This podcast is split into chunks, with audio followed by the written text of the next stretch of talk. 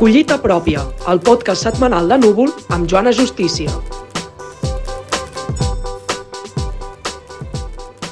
Benvinguts i benvingudes a Collita Pròpia. Jo sóc la Joana Justícia i en aquest podcast setmanal de Núvol parlarem dels articles, entrevistes i reportatges més destacats del digital de cultura.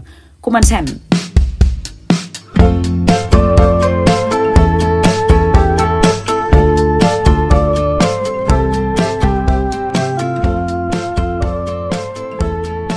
Les festes de Nadal han anat acompanyades de molta cultura i espero que entre l'escudella, els canelons i els torrons hàgiu tingut ocasió de llegir l'entrevista que l'Àurea Grau ha fet a l'antropòleg i cineasta Roger Canals amb motiu de la publicació del seu nou assaig La imatge que mai no acaba, editat per Jadisa. Es tracta del primer llibre d'antropologia visual en català. Aquesta branca de l'antropologia comprèn quatre camps. Estudiar les imatges, estudiar a través de les imatges, escriure visualment i investigar què significa mirar. Escoltem a Roger Canals. La motivació de fer aquest llibre neix en part del desconeixement que hi ha al voltant de l'antropologia visual i els malentesos, no?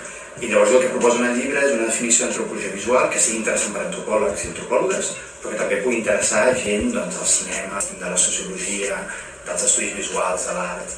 Un dels llibres destacats d'aquest any ha sigut Lo mig del món, de Roser Bernet, un activista que vetlla i treballa pel patrimoni natural i cultural del Priorat.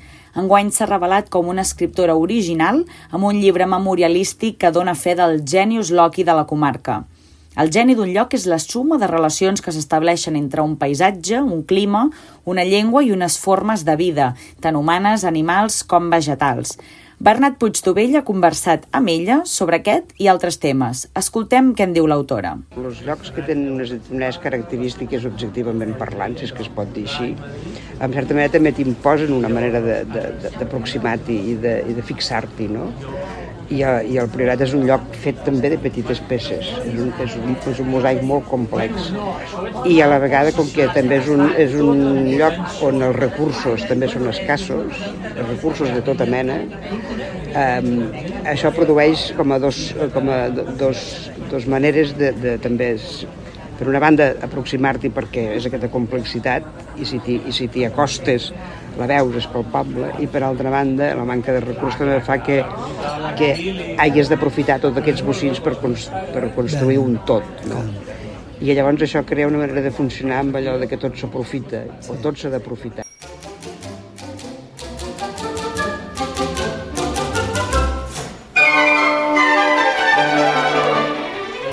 També aquesta setmana a Núvol hi trobareu l'article 3 dècades a un clic, de Joan Simó, que explica que el Centre de Cultura Contemporània de Barcelona celebrarà el seu 30è aniversari fent que l'arxiu sigui accessible a través d'internet.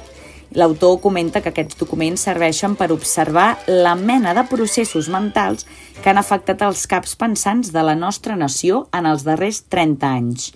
A més, a l'article hi trobareu una imatge sorprenent, la visita que Margaret Thatcher va fer al centre en companyia de Pasqual Maragall, al desembre de 1994. No us ho perdeu.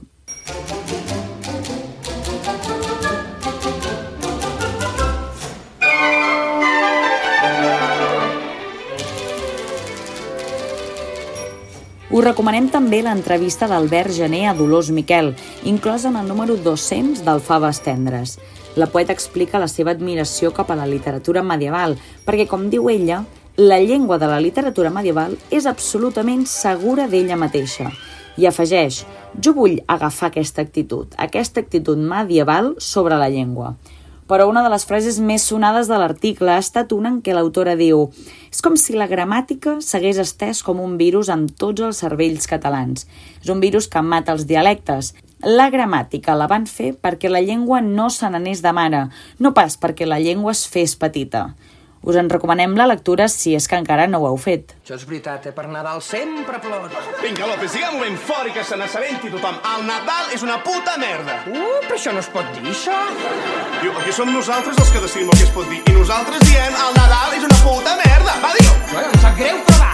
El Nadal, el Nadal no està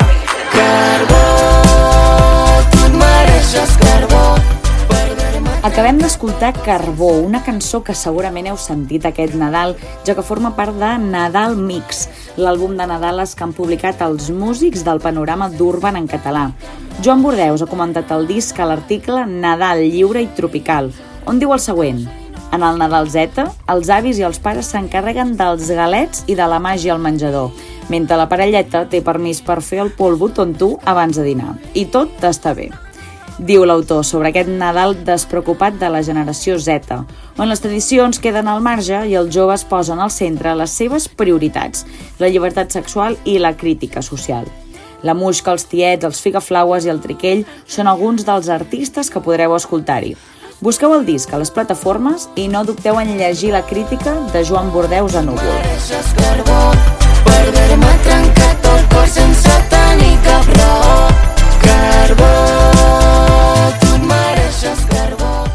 I escolteu ara una cita de l'escriptora i professora Alba Sabater, inclosa en el seu últim article titulat Virginia Woolf i la literatura a les nostres aules, on diu «Soc de les que pensen que la socialització dels llibres ha estat i és un mal negoci. Els llibres, com de vegades passa amb la cultura, han passat a ser un bé gratuït i poc valorat, diu, que passa de mà en mà i que és de tots i per tant de ningú.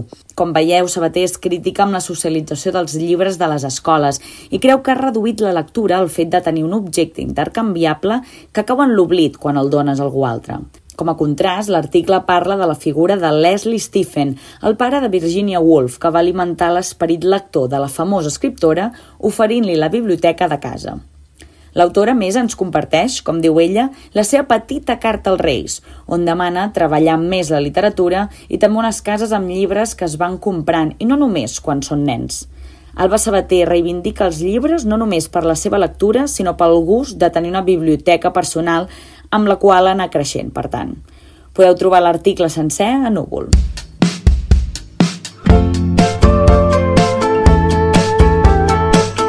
I per acabar i acomiadar bé l'any, podeu llegir el recull dels 10 articles més llegits a Núvol durant el 2023, on trobareu entrevistes com la que Gerard Forés va fer a Júlia Ojeda, la d'Agus Izquierdo, Andreu Joanola o l'article Dani Alves sempre saludava de Laia Mauri.